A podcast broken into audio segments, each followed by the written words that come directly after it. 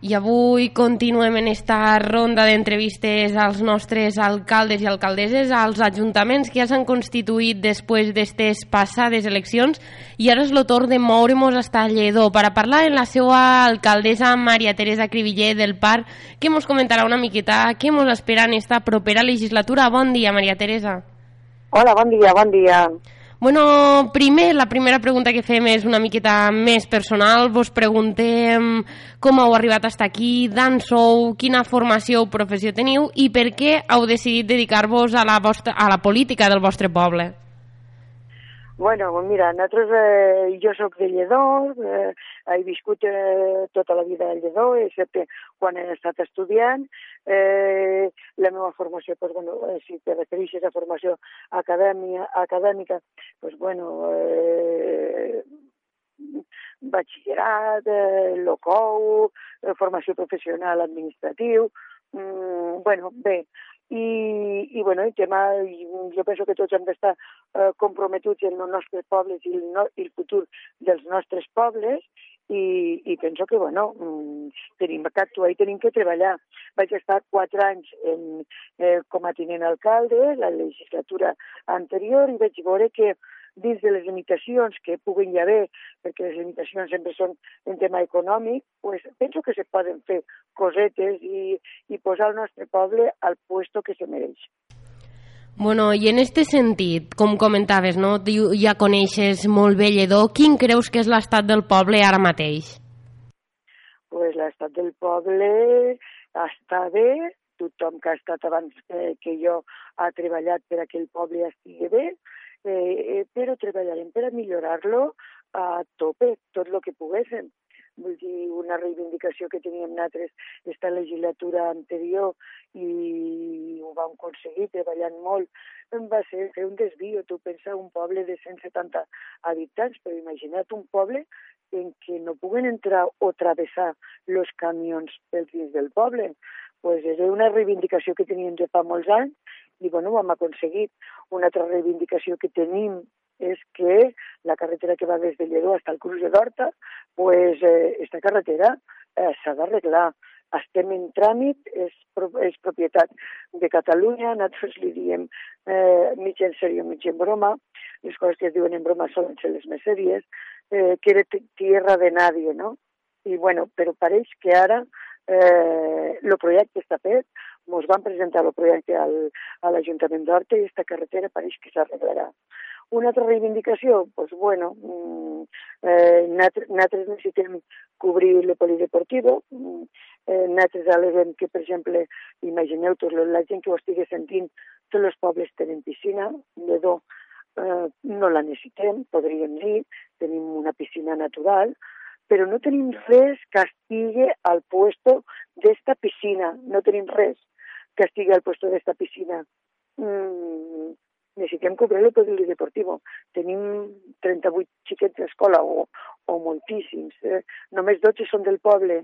Eh, han de jugar aquests xiquets. Els xiquets se mereixen el millor. Els xiquets se mereixen el millor. Mm, han de tindre un puesto adequat.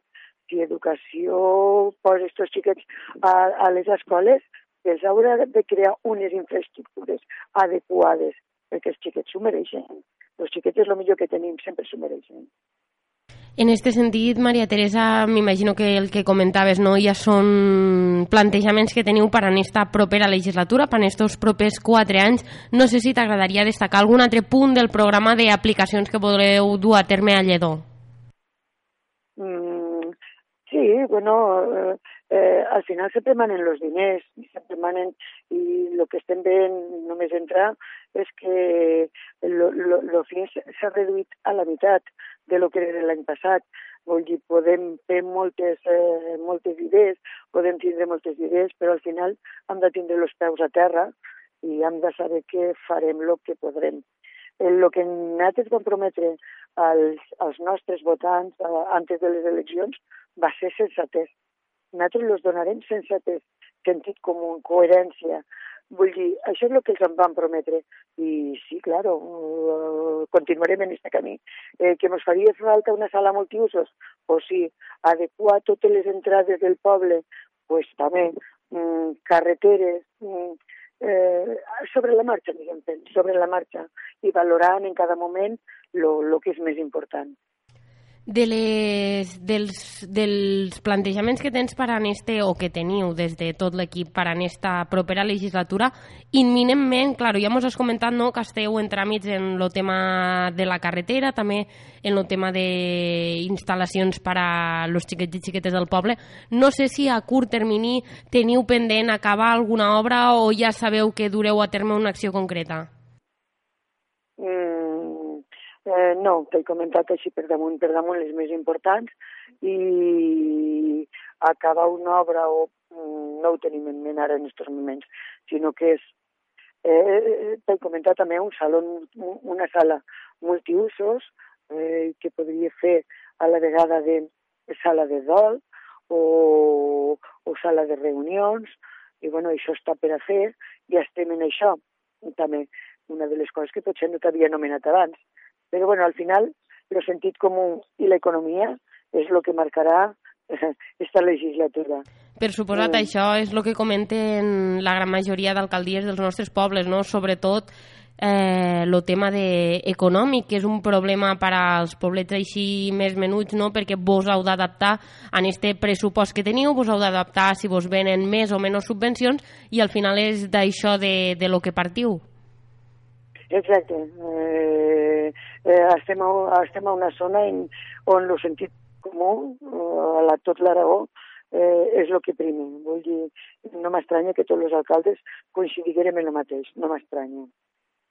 I ja per acabar, des del punt de vista més general, parlant directament de la comarca del Matarranya, no sabem que el parc té tres representants a la institució comarcal. Com creus que, quin creus que és l'estat del territori de la Matarranya més en general? Quines creus que són les majors deficiències o també, per què no, les majors virtuts? La major virtut és la gent. Jo penso de totes, totes, eh, que la major virtut és la gent. I de la, manera, la mateixa manera que al meu consistori la gent té moltíssimes ganes de treballar, i aquestes mateixes ganes de treballar les tenen a nivell comarcal, la cosa funcionarà. Perquè al final no hi ha sort, la sort no existeix. La sort ens ha de trobar treballant. Si no ens troba treballant la sort, vol dir no hi ha sort.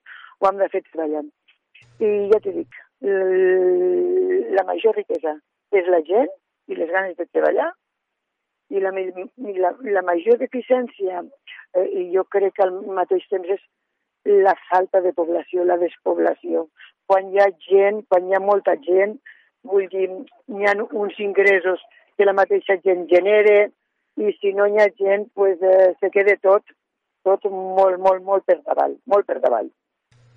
Bueno, pues nos quedem en estos dos aspectes, tant lo positiu que, que ets la primera en remarcar molt, no? també que, que has comentat que l'aspecte positiu del Matarranya és la gent i com no també pues, la part més negativa que és sobretot el tema de la despoblació que ens han anat comentant los diversos alcaldes i alcaldes. Pues Maria Teresa Cribiller, alcaldessa de Lledó, moltes gràcies per haver estat aquí a les ondes de Ràdio Matarranya i com sempre estirem en contacte estos propers quatre anys per a saber tot el que passa al teu municipi. Moltíssimes gràcies per, per, per aquesta entrevista i molt agraïda. Estarem a la vostra disposició per a comentar-vos qualsevol de les coses que seguríssim, seguríssim n'hi haurà. Coses que comentar i coses que voldríem que la gent sapigués i que ens ajudessin.